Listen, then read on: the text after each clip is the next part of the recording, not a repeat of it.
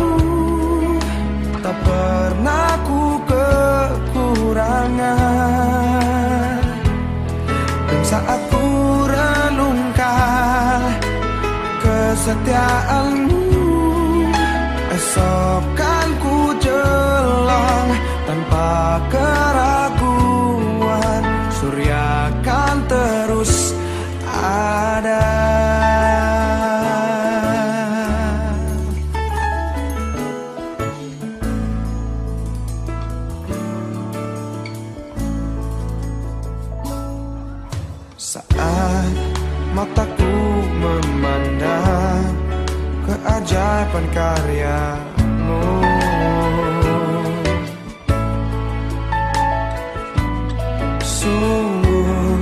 Siapakah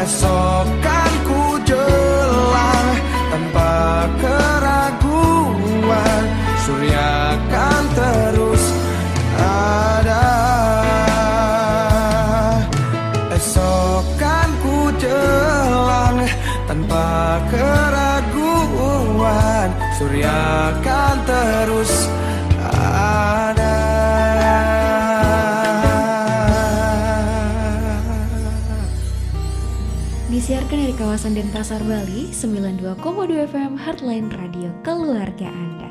Shalom Sobat Muda, berjumpa lagi bersama dengan Grace di malam hari ini. Tentunya di program New Hope for New Generation edisi hari Kamis tanggal 24 Juni 2021 Nah di malam hari ini Grace kembali lagi menemani Sobat Muda untuk satu setengah jam ke depan Sampai dengan jam setengah 10 malam nanti. Dan di malam hari ini kita akan sama-sama membahas ya dan merenungkan satu topik menarik yaitu topik tentang perjuangan seumur hidup. Nah, tentunya ini pasti sangat uh, relate sekali ya dengan keadaan kita selaku anak muda juga di tengah kondisi seperti sekarang ini yang penuh banyak problema gitu ya. Pasti perlu perjuangan dan akan seumur hidup terus-terusan. Nah, di malam hari ini Grace tidak sendiri. Grace ditemani oleh Kak ya. Mungkin Kak Ata bisa sapa dulu sobat muda di malam hari ini. Shalom sobat muda semuanya, selamat malam. Doa dan harapan saya semuanya tetap ada dalam kondisi sehat-sehat ya.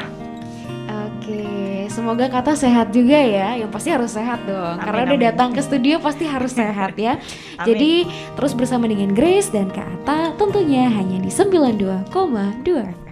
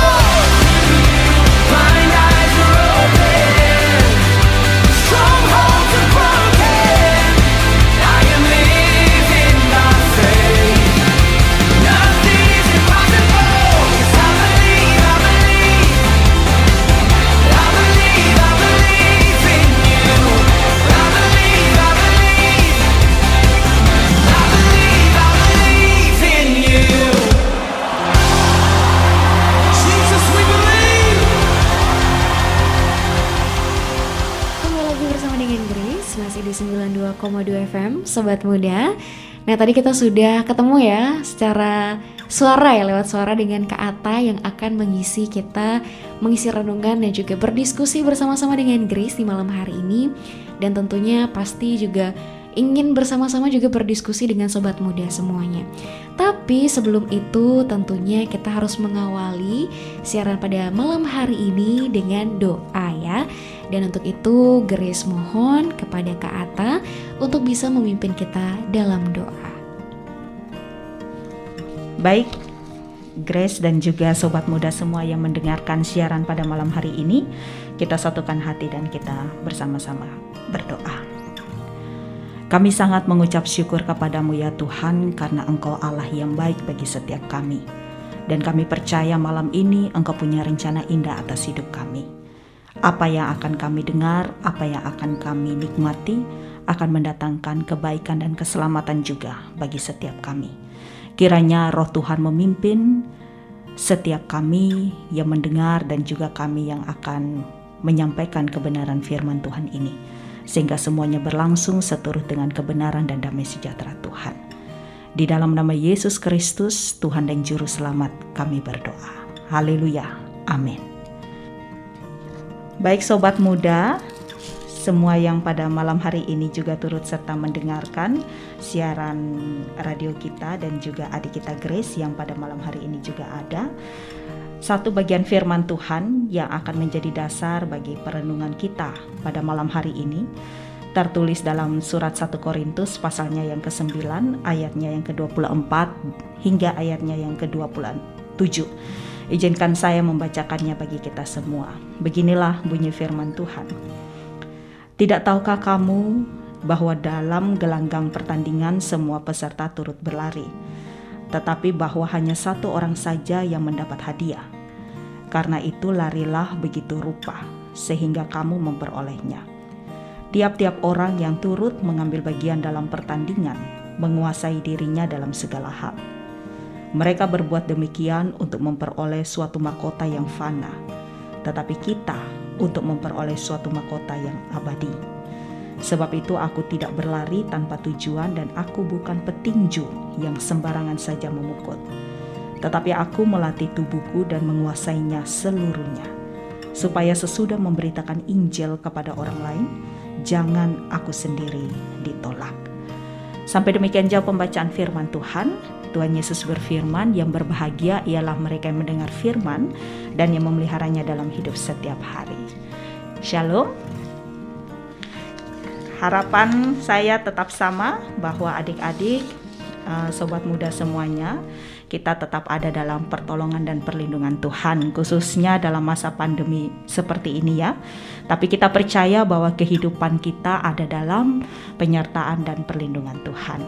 Baik sobat muda semuanya yang pada malam hari ini turut serta mendengar siaran ini, 1 Korintus pasal 9 ayat 24 sampai 27 ini adalah salah satu bagian pengajaran yang diberikan oleh Paulus kepada orang Kristen di Korintus pada waktu itu. Dan dalam pengajaran ini Paulus menyampaikan beberapa pesan penting bagi jemaat di Korintus tentang arti dari memiliki kehidupan Kristiani. Bagi Paulus menjadi orang Kristen tidak hanya sebatas nama Kristen, tapi menjadi orang Kristen juga harus memiliki kehidupan Kristiani. Dan menariknya adalah pada malam hari ini Paulus menggambarkan kehidupan Kristiani itu digambarkan oleh Paulus ibarat gelanggang pertandingan. Nah, kalau bicara gelanggang pertandingan, kita semua tentu tahu dengan jelas apa itu gelanggang pertandingan. Kalau saya boleh gambarkan secara sederhana, itu adalah suatu situasi, suatu kegiatan yang diikuti oleh beberapa orang, bahkan diikuti oleh banyak orang sesuai dengan bidangnya, sesuai dengan keahliannya dan tujuan dari itu adalah untuk memperoleh medali. Sobat muda menarik sih bagi Paulus untuk menggambarkan kehidupan Kristiani ini dengan memakai gambaran gelanggang pertandingan. Tujuan yang dapat kita temui adalah ia ingin mengajak orang Kristen di Korintus untuk lebih lagi menghargai, artinya lebih serius lagi dalam menjalani kehidupan ini dan menghormati kehidupan baru yang mereka telah terima di dalam Tuhan Yesus Kristus. Kalau sebelumnya mereka menganggap hidup mereka itu biasa-biasa saja. Tapi setelah menjadi orang Kristen, hidup mereka bukan lagi biasa-biasa saja. Mereka harus menjadi orang Kristen yang mengerti. Artinya mereka harus tahu apa yang menjadi maunya Tuhan dan mereka harus jadi orang Kristen yang taat. Pribadi yang patuh, tunduk, dan selalu mengatakan siap laksanakan pada apa yang firman Tuhan nyatakan. Dan tema pada malam hari ini bicara tentang perjuangan seumur hidup. Dan benar bahwa untuk menjadi orang Kristen kita setiap hari harus belajar. Tuhan Yesus katakan kamu adalah murid-muridku. Arti kata murid-murid berarti setiap waktu kita harus belajar. Karena kalau tidak belajar, ibaratnya seperti seorang murid dalam bangku studi, pasti dia tidak akan naik kelas. Nah, setiap orang Kristen dia harus setiap hari belajar. Dia harus bisa melewati kehidupan yang Tuhan masih percayakan ini tentunya dengan perjuangan iman yang tetap ia ikat di dalam Tuhan Yesus Kristus.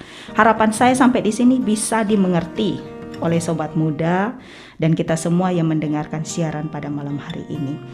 Namun saya ingin kita lebih dalam lagi melihat pada bacaan kita pada malam hari ini khususnya dengan tema perjuangan seumur hidup ini. Nah, sobat muda, saudara-saudara sekalian, ada beberapa hal yang ingin saya sampaikan terkait dengan firman Tuhan malam ini. Mengerti dan taat seperti apa yang dapat kita lakukan. Mengerti dan taat seperti apa yang dapat kita lakukan dalam menjalani kehidupan kita sebagai orang Kristen. Yang pertama pada ayat 24. Di ayat 24 sini dikatakan bahwa tidak tahukah kamu bahwa dalam gelanggang pertandingan semua peserta turut berlari, tetapi bahwa hanya satu orang saja yang mendapat hadiah. Karena itu, larilah begitu rupa, sehingga kamu memperolehnya. Tidak tahukah kamu?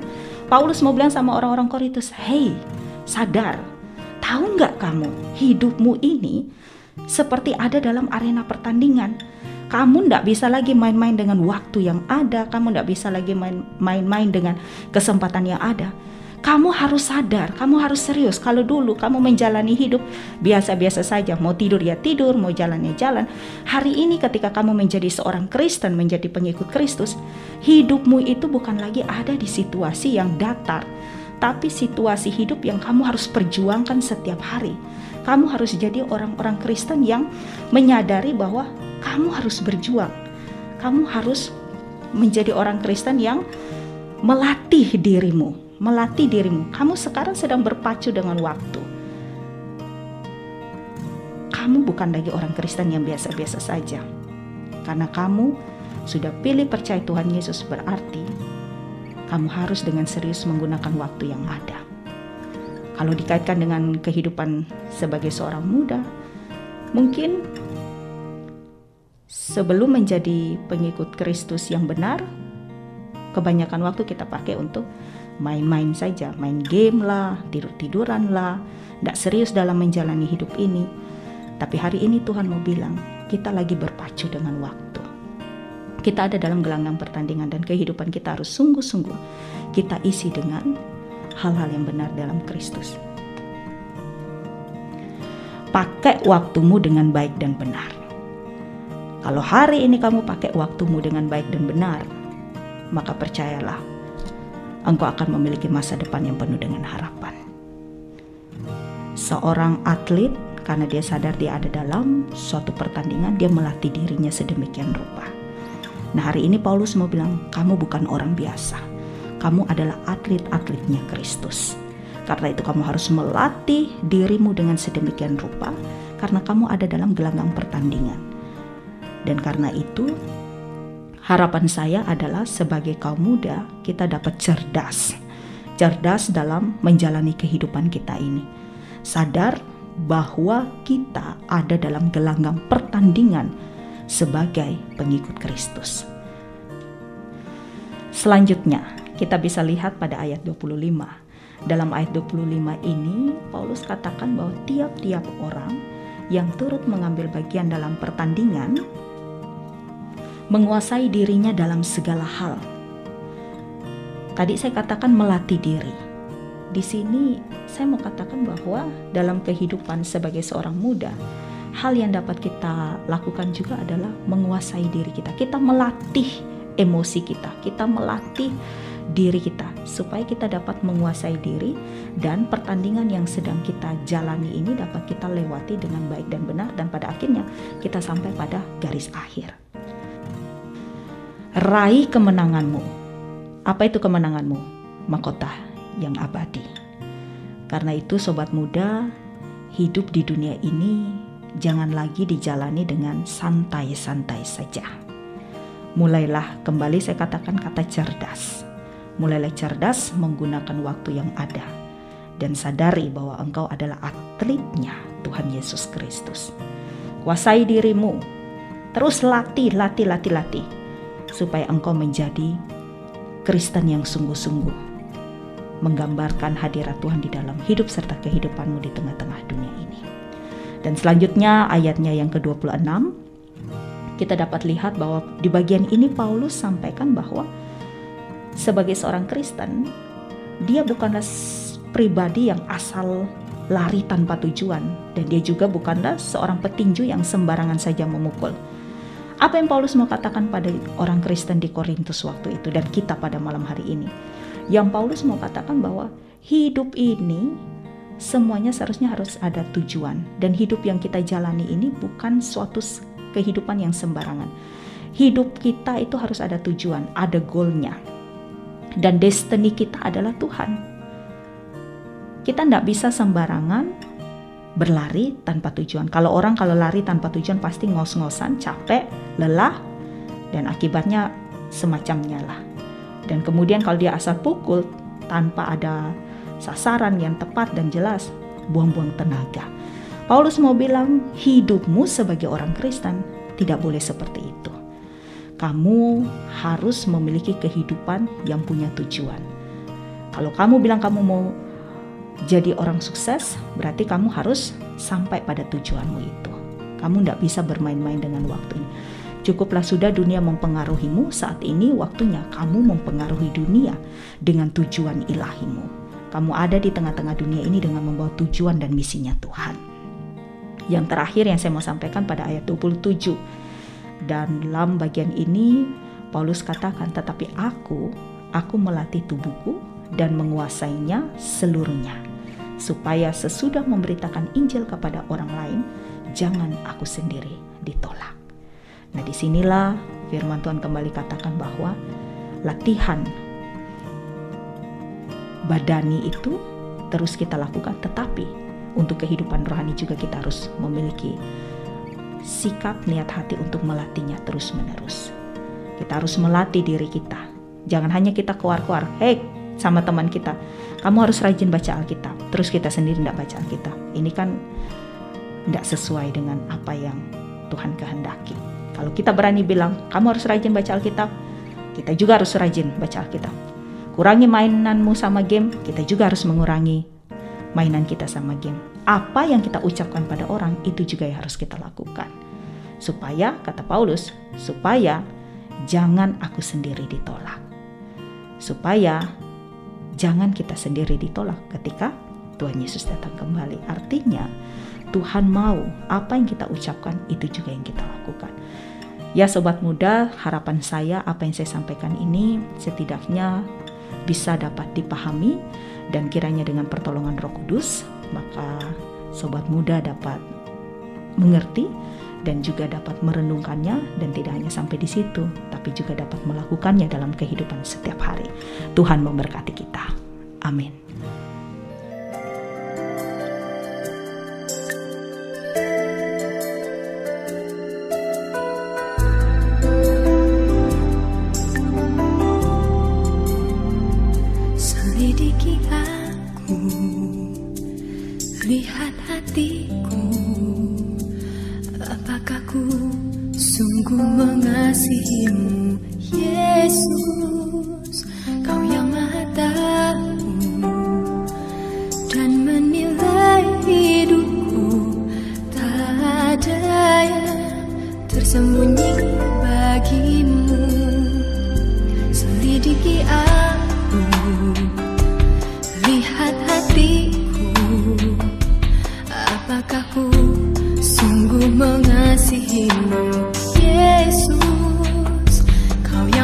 Maha tahu dan menilai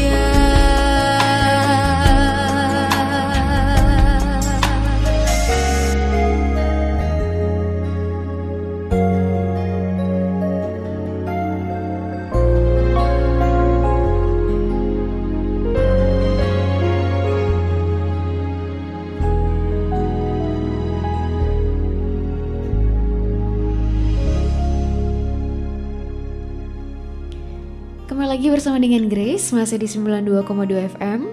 Sobat muda, wah luar biasa sekali ya. Hari ini kita membahas tentang perjuangan seumur hidup.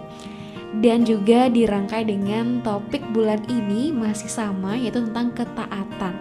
Jadi pasti ada hubungannya ya bagaimana ketaatan itu sangat diperlukan dalam kita berjuang seumur hidup kita tentunya sebagai seorang pemuda dan pemudi Kristen ya pastinya. Nah, tapi tentu banyak di antara kita masih sering bertanya-tanya gitu ya. Kenapa sih gitu ya? Kita harus hidup berjuang. Kenapa dalam hidup itu kita harus berjuang? Kenapa nih kata? Kenapa sih dalam hidup itu kita harus berjuang? Kenapa? Saya rasa ini juga pertanyaan bagi setiap orang yang mendengar ya. Tapi sebelumnya saya mau tanya dulu, kalau menurut Grace, kenapa Grace harus berjuang? Kenapa sih harus berjuang? Karena ada sesuatu yang ingin dicapai. Jadi mungkin perjuangan itu uh, proses gitu ya mungkin ya untuk mendapatkan hasil yang Grace inginkan gitu. Mungkin seperti itu kata. Ya, kalau seseorang itu dia tahu ada sesuatu yang yang, yang ingin ia capai, tentu dia akan melakukan berbagai macam hal untuk supaya dia mencapai atau menggapai tujuannya itu. Sebagai orang Kristen, hidup kita itu memang harus diwarnai dengan yang namanya perjuangan.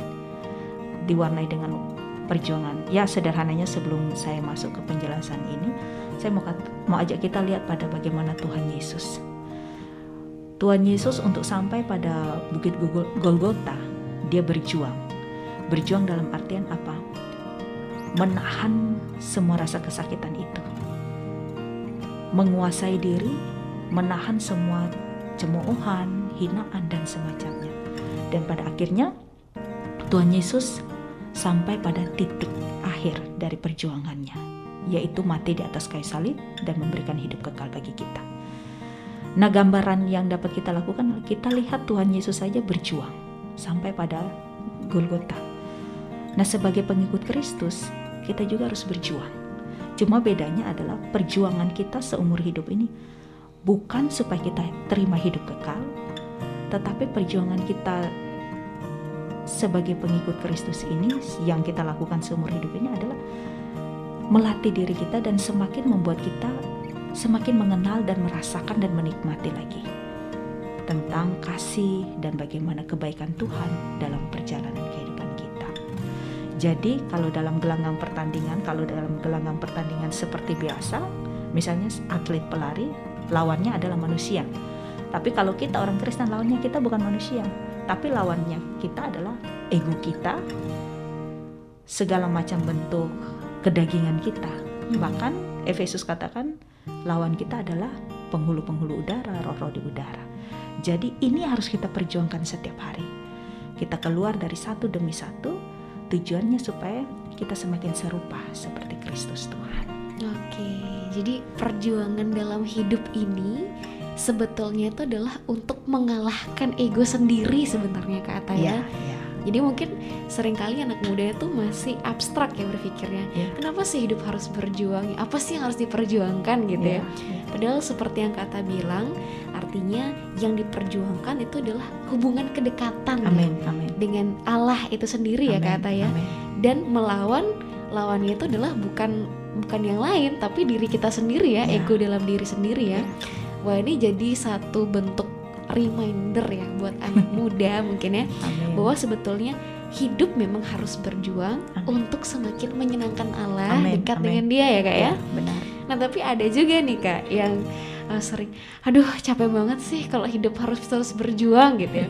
Boleh nggak sih hidup biasa-biasa aja gitu? Atau biasanya orang bilang, udah aku pengen hidup sederhana aja gitu. Ya. Nah gimana nih kata dengan menyikapi tanggapan yang seperti itu? Hidup biasa saja saya rasa tidak ada salahnya ya.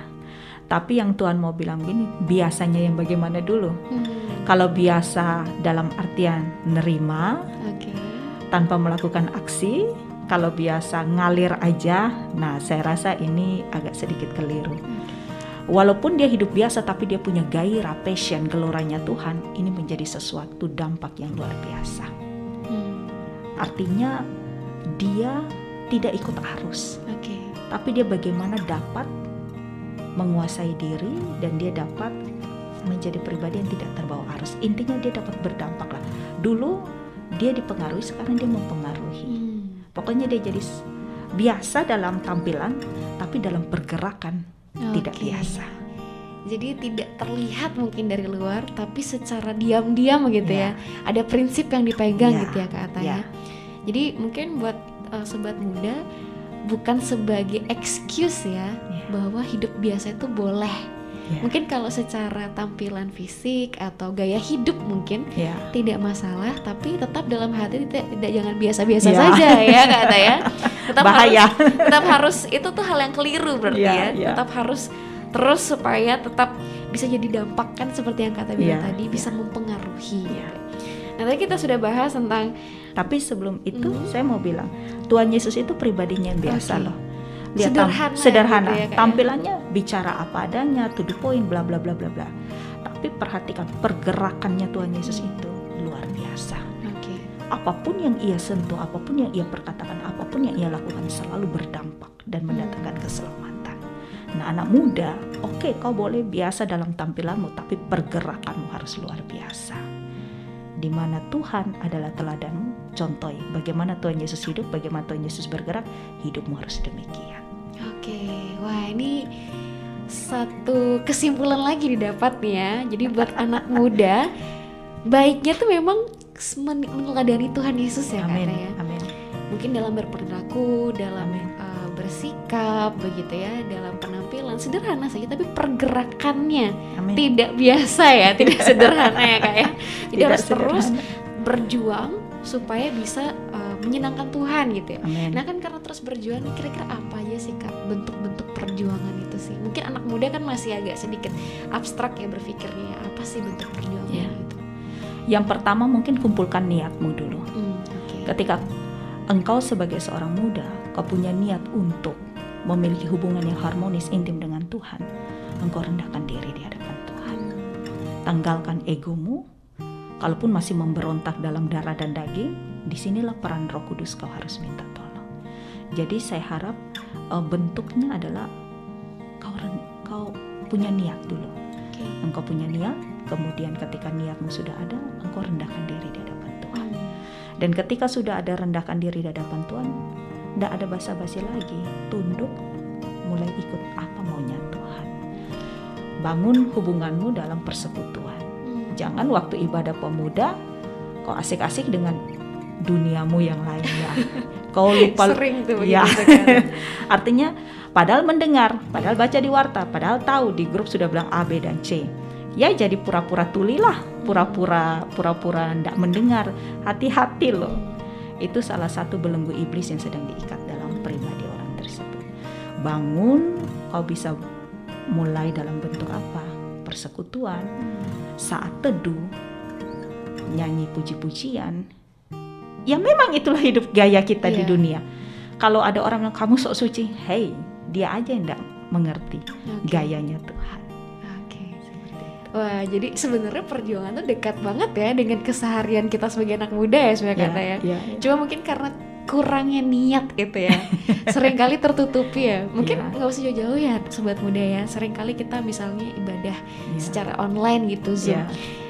Di sana nama aja biasanya ya.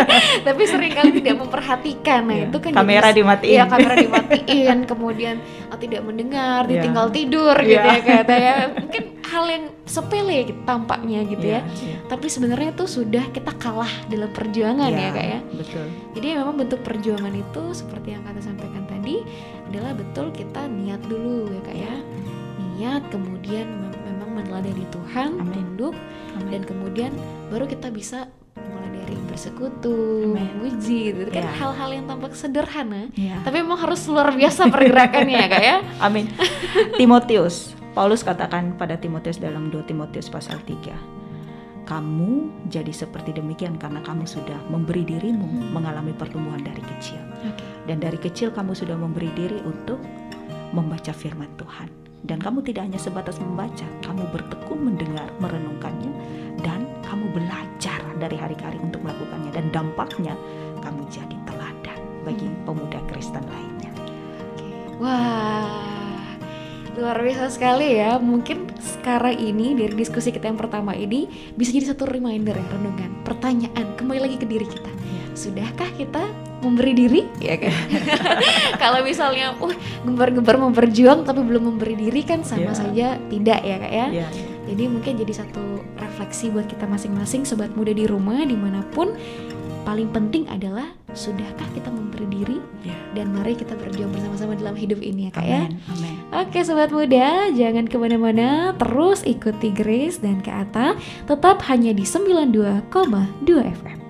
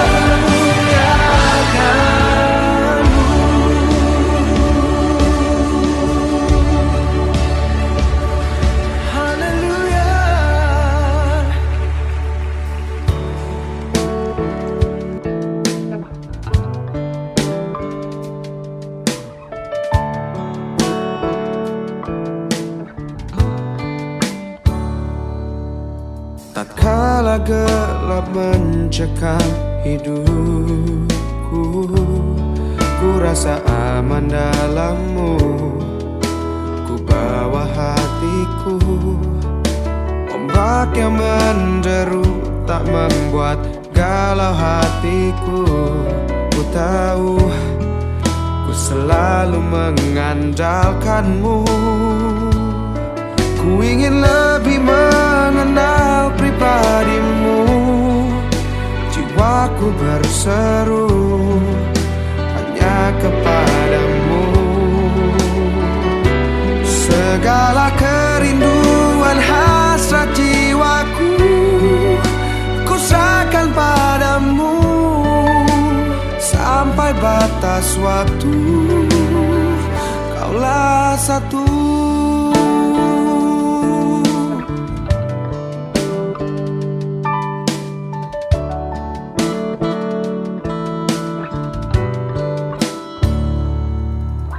Tatkala gelap mencekam hidupku Ku rasa aman dalammu. Ku bawa hati hatiku. Ombak yang menderu tak membuat galau hatiku. Ku tahu ku selalu mengandalkanmu. Ku ingin lebih mengenal pribadimu. Jiwaku berseru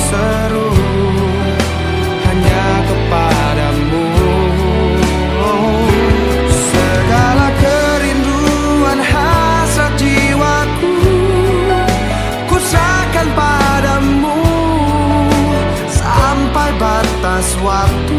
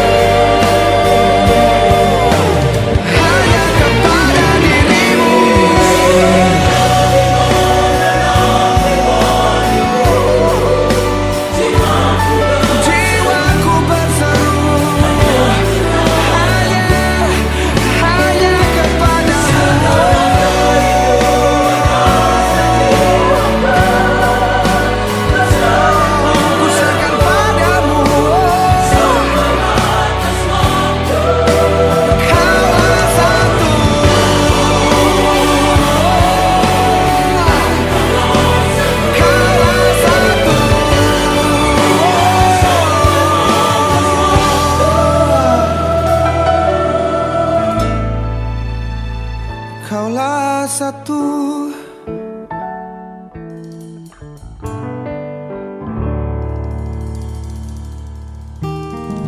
Kami lagi bersama dengan Grace Masih di 92,2 FM Sobat Muda.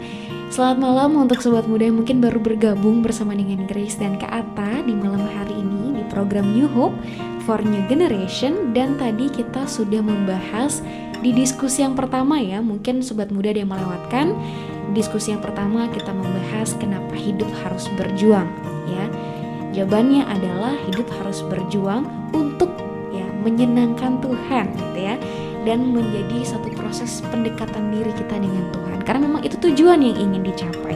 Tadi kita juga sudah bahas apa bentuk perjuangan itu yaitu diawali dengan niat dan juga bersekutu bersama-sama gitu ya, merendahkan diri dan supaya memberi diri kepada Allah. Nah, yang kedua nih, tadi kita sudah bahas tentang masalah kenapa hidup harus berjuang.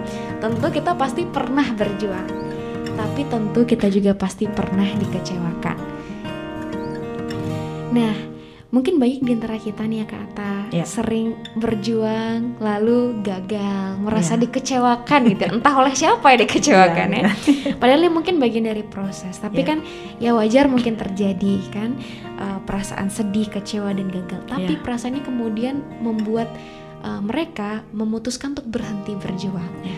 Nah, kira-kira nih Kak Ata, apakah ini bentuk ketidaktaatan? Baik, eh, satu hal yang harus kita sadari bahwa kita ini ada di dunia. Dikecewakan, disakiti, itu warnanya dunia. Tapi sekarang kita yang buat keputusan. Apakah saya mau berlama-lama dengan perasaan dikecewakan, berlama-lama dengan perasaan disakiti, atau bagaimana? Sebenarnya yang membuat keputusan ini adalah diri kita sendiri.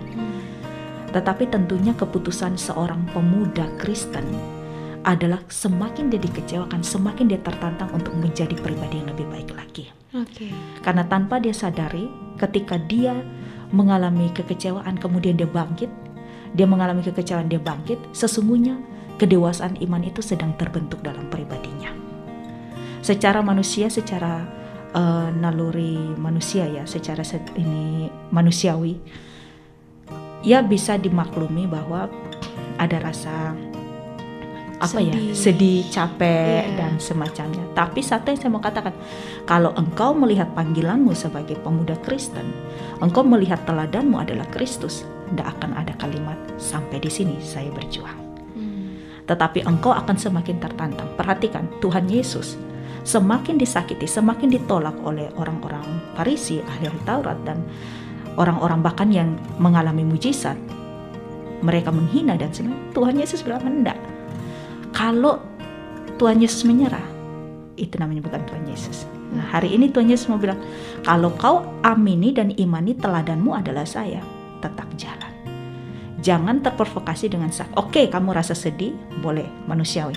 Tapi jangan sampai kesedihan, kekecewaan itu menguasai hatimu dan buat kamu sampai di sini berjuang. Kamu masih harus berjuang dan perjalananmu tidak hanya hari ini, masih ada hari esok. Jadi bagi saya, bagi saya secara pribadi karena saya juga pernah mengalami yang namanya dikecewakan, disakiti. betul. Tapi di sini saya melihat pada identitas saya. Oke. Saya adalah pengikut Kristus. Kalau identitas saya pengikut Kristus, gaya saya adalah gayanya firman Tuhan. Oke, satu dua kali saya mengalami sedikit ini, ini, ini. Tapi saya kembali bilang, ada roh Tuhan yang memberikan kekuatan dan pertolongan bagi saya. Dan bagi saya, saya harus maju. Saya maju, saya bisa memberkati orang lain. Kalau saya mundur, saya rugi, orang lain di sekitar saya rugi juga.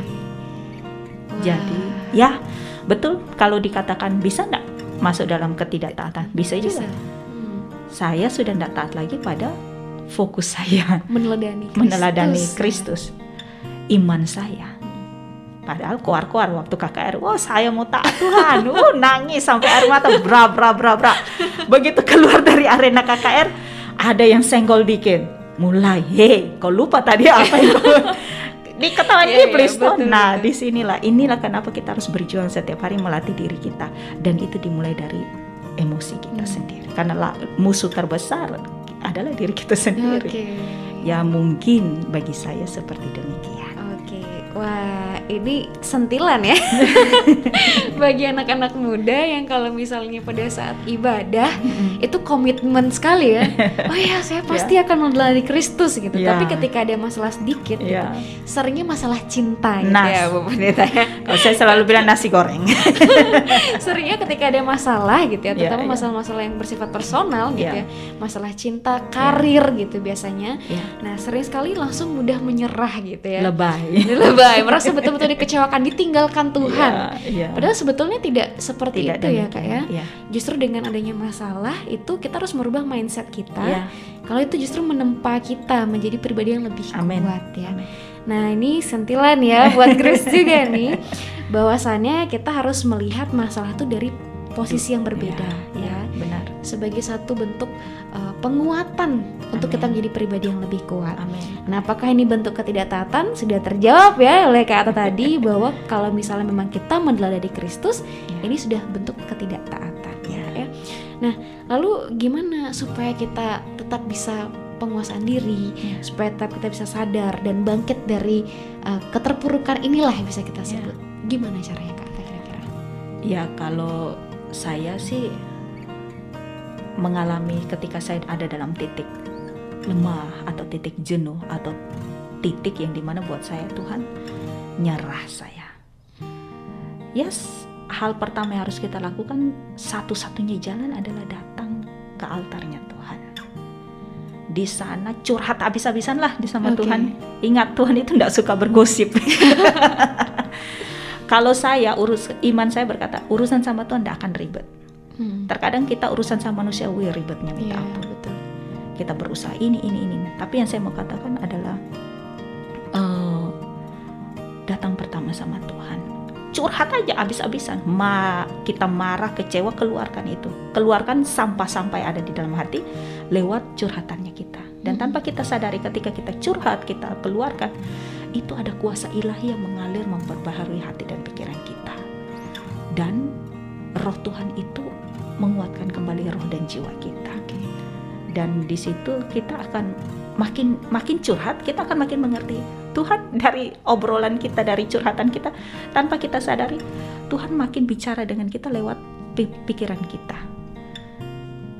Kita akan makin mengerti oh begini-begini. Jadi jadi bagi saya ketika saya ada dalam keterpurukan ya satu-satunya jalan hanya Tuhan Yesus dan benar hanya Tuhan Yesus.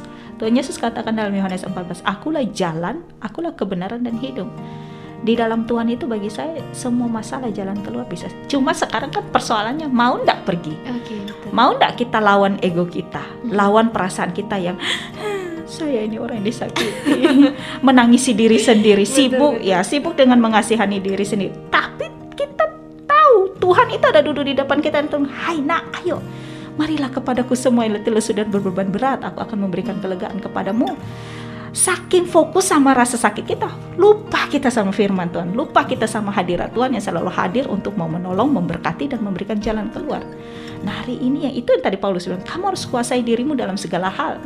Ketika kamu disakiti, jangan dulu fokus sama sakitmu, fokus.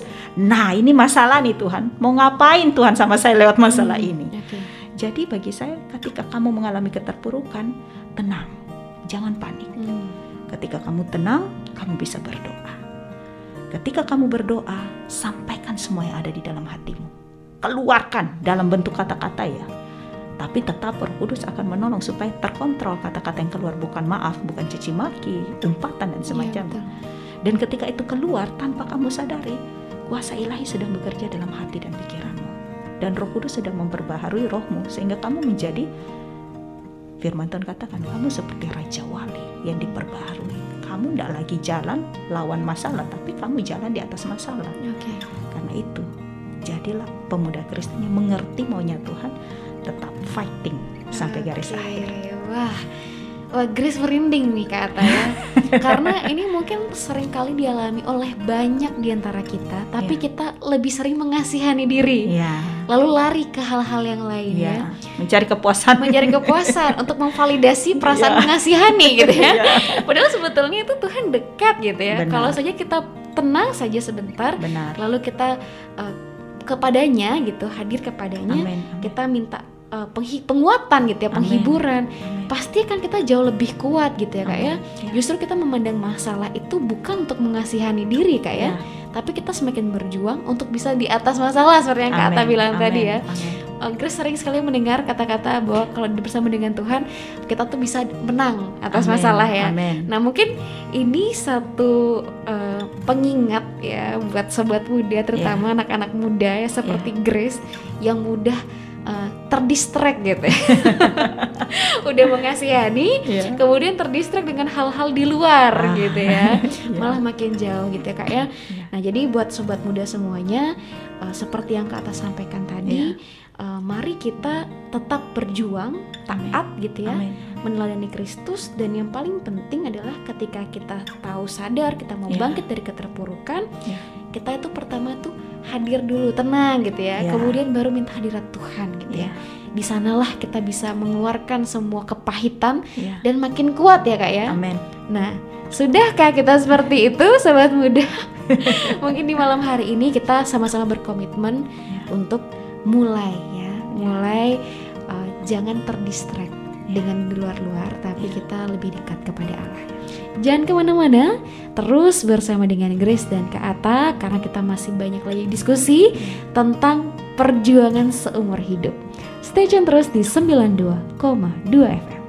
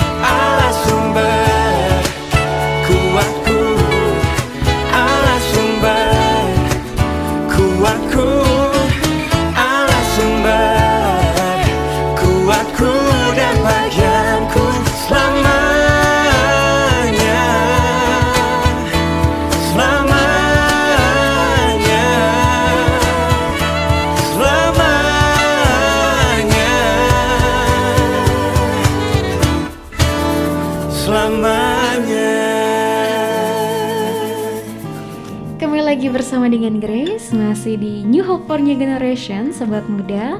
Wah seru sekali ya malam hari ini ya. Banyak sekali hal-hal yang Grace dapatkan dari diskusi-diskusi dengan Kak Ata Yang mungkin ya sering terlewatkan buat anak muda Terutama tentang masalah berjuang dan juga tentang masalah kita harus lebih dekat dengan Tuhan. Bukan memvalidasi diri gitu ya mencari dukungan-dukungan untuk mengasihani diri lebih lanjut lagi. Ini kan sering kali anak muda seperti itu ya sobat muda. Nah tadi kita sudah bahas tentang kenapa kita harus berjuang lalu apa yang harus kita lakukan ketika kita terpuruk. Nah yang terakhir ya mungkin uh, sobat muda di tengah masa sulit ya tidak hanya pandemi saja gitu ya.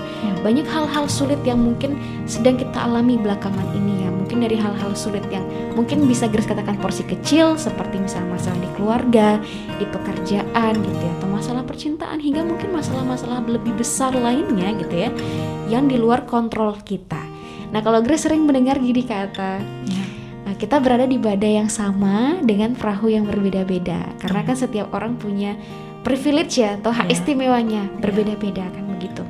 Nah, tapi sering juga pada akhirnya sering adu nasib nih kak. Aduh, Iya. aku nih yang lebih susah nih dalam hidup nih gitu. Aku yang lebih susah, masalahku lebih besar gitu dibandingkan kamu gitu. Ah, masalahmu tuh nggak ada apa-apanya. Sering sekali Grace mendengar seperti hal itu gitu. Gimana sebagai anak muda? Karena anak muda masih emosinya melonjak-lonjak ya. Iya, iya. Kalau digituin tuh semakin terpancing gitu ya amarahnya gitu. Nah, sebagai anak muda apa yang harus kita lakukan menyikapi hal tersebut? Kalau bagi saya, stop dengan membanding-bandingkan masalahmu dengan masalah orang lain. Karena masing-masing orang punya eh, kemampuan, kekuatan, kadar tersendiri dalam eh, mengalami, menghadapi dan menyelesaikan masalahnya. Stop dengan membanding-bandingkan masalahmu. Besarmu belum tentu seperti besarnya orang itu. Kecilmu belum tentu seperti. Karena kalau ketika kita banding-bandingkan masalah kita dengan kamu loh, ah kamu itu belum seberapa, aku ini. Kita tanpa sadar kita sedang buat dia tersinggung. Kamu ndak tahu, oke bagi kamu kecil, tapi bagi saya ini besar. Stop. Stop dengan pakai gaya sikap seperti itu. Justru ketika kita tahu kita ada di situasi yang sama ini, bergandengan tangan berdoa. Lebih baik mengucapkan kata-kata yang membangun, kata-kata yang ya. mendukung, menasehati dan memberikan penghiburan. Hmm, Jangan seperti sahabat-sahabatnya Ayub. hmm, Oke, iya. Ya, sahabat-sahabatnya Ayub apa? Iya. Dia datang, dia ngomong, tapi di balik itu tidak benar. Maksudnya menunjukkan simpati ini, tapi jangan. Situasi seperti ini jangan jadi seperti sahabat-sahabatnya Ayub. Tapi jadilah sebagaimana engkau adalah pengikut Kristus, teladanmu Kristus.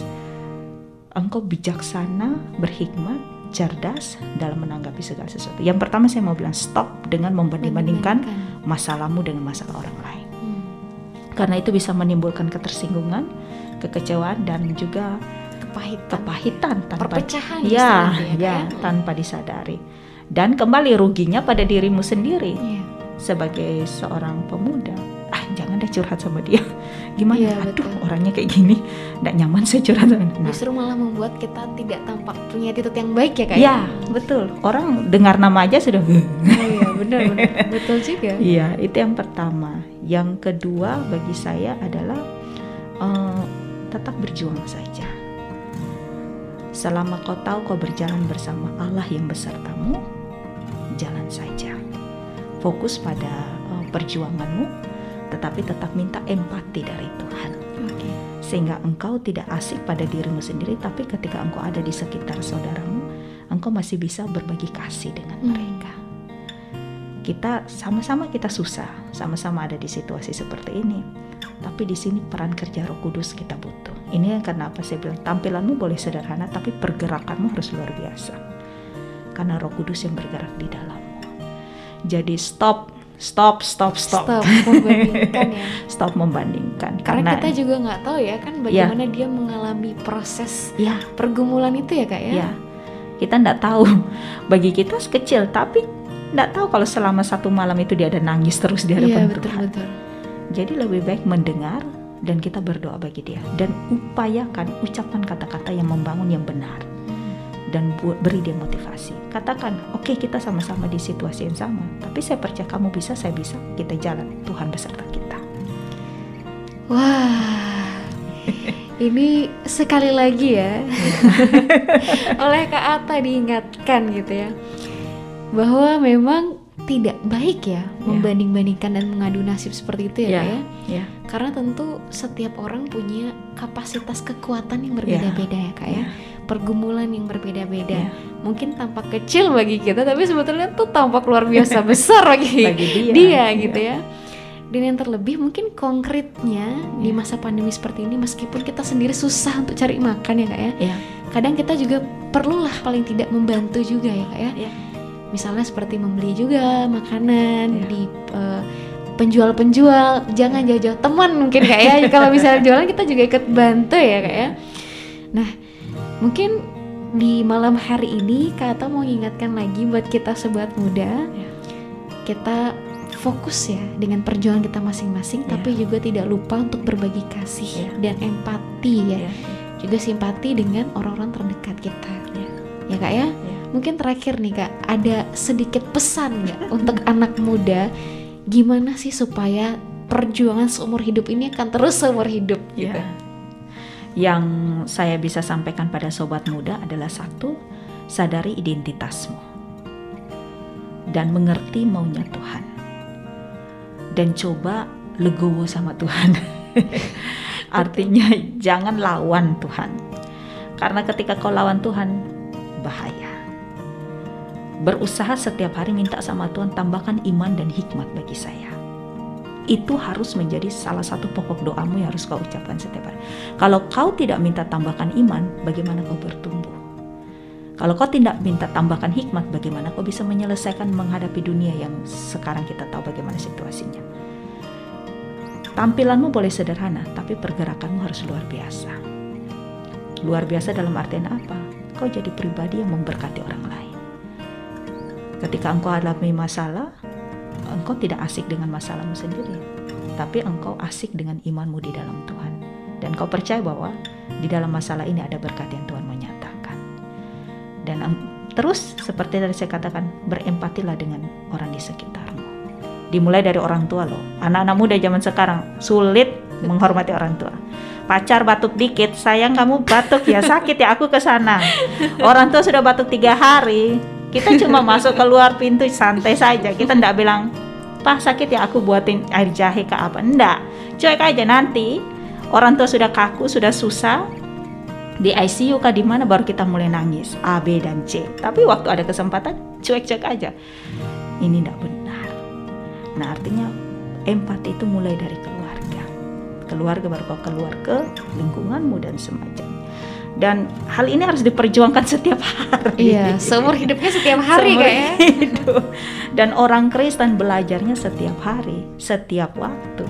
Kalau ada hal baru datang, Tuhan, apalagi nih yang harus saya pelajari dari hal ini. Dan di balik semua itu dibutuhkan kerendahan hati. Oke. Kalau kita tidak rendah hati, biar Tuhan mau bicara bagaimanapun kita tidak akan mau mendengar. Mulai minta sama Tuhan hal-hal itu, rendah hatilah, menguasai dirilah. Lebih baik sekarang kan keren di pandangannya Tuhan daripada keren di pandangannya pacar. Atau keren di pandangannya teman satu geng. Sudah ndak zaman kalau bagi saya, saya bilang sama anak muda-mudi saya, eh ndak zaman lagi kau keren di matanya manusia. Waktunya kau harus tunjukkan kau keren di matanya Tuhan. Dengan cara apa? Seperti Timotius. Tekun dalam pembacaan firman Tuhan, rajin dalam melayani Tuhan, lakukan apa yang Tuhan mau. Karena hari-hari ini kita harus usahakan dengan baik dan benar. Berjuang untuk menyenangkan hati Tuhan. Dan Oke. itu nilainya seumur hidup. Oke, berjuang untuk menyenangkan Tuhan. Dan itu nilainya seumur hidup ya. Kalau di mata orang-orang terdekat manusia, eh, nilainya sebentar aja gitu ya. Iya. Tapi kalau untuk di mata Tuhan, nilainya seumur hidup. Tapi upahnya non, upahnya nilainya kekal. Oke, wah, terima kasih banyak Kak Ata Sama-sama. untuk malam hari ini luar biasa sekali. Grace sampai merinding karena banyak sekali hal-hal yang sering sekali terlewatkan oleh anak muda.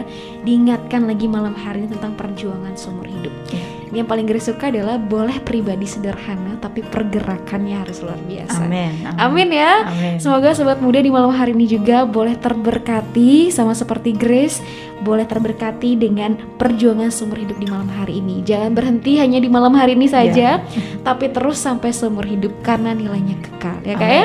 Amin. Jangan ke mana-mana, terus bersama dengan Grace dan Kak Ata tetap di 92,2 FM.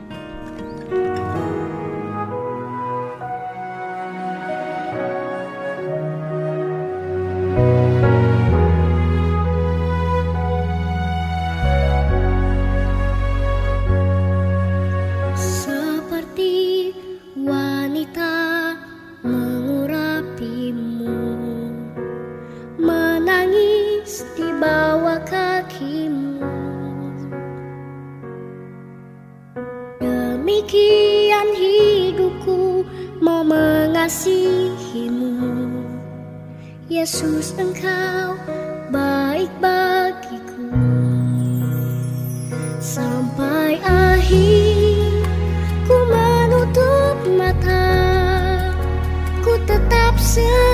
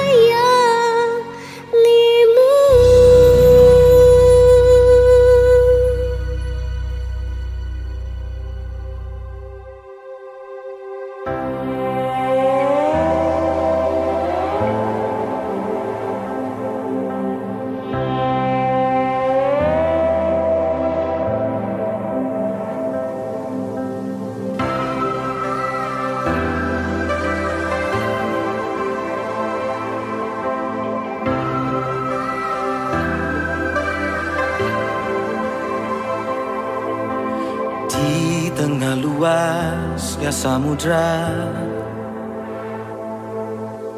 di dalam badai bergelora. Engkaulah jangkar hidupku. Tak sekalipun ku goyah. Firmanmu terangi langkahku. Sama dalam hidupku.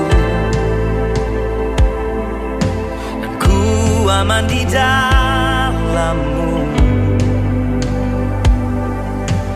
Penyertaanmu semua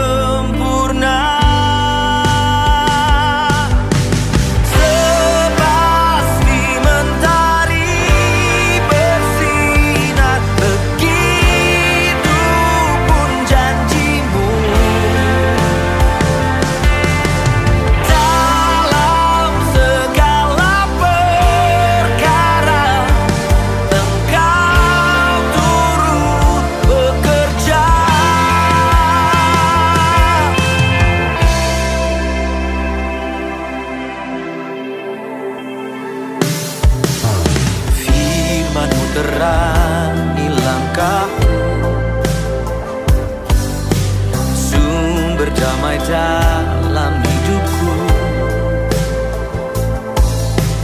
Ku aman di dalam